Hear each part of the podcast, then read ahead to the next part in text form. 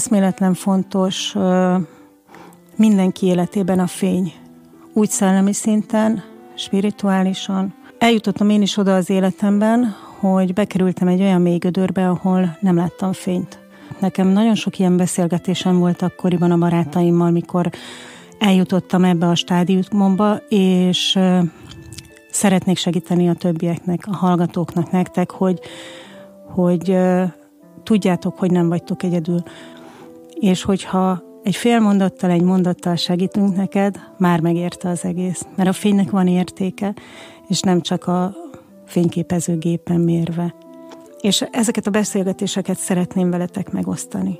Ugye a férjemnek is, és nekem is ugye hát plusz munka lehetőségeket kellett keresni, ugye, hogy az anyagi vonzatait mindennek tudjuk állni a továbbiakban is, ami aztán azt hozta magával, hogy egész egyszerűen akkor a nyomás alatt álltunk, hogy, hogy elsétáltunk egymás mellett, aminek másfél éven belül vállás lett a vége.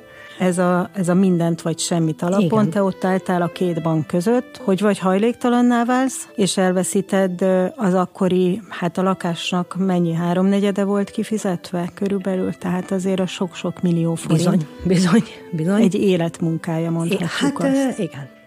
Aztán emlékszem, mikor megkaptam a kulcsot, teljesen üres volt a lakás, és ültem a nappalik közepén, és akkor jött ki rajtam minden.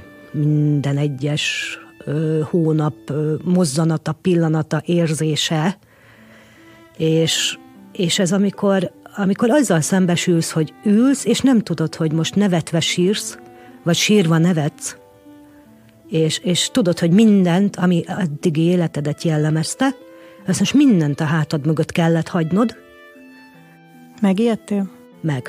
Az egyik nagy tanulság számomra az volt, hogy...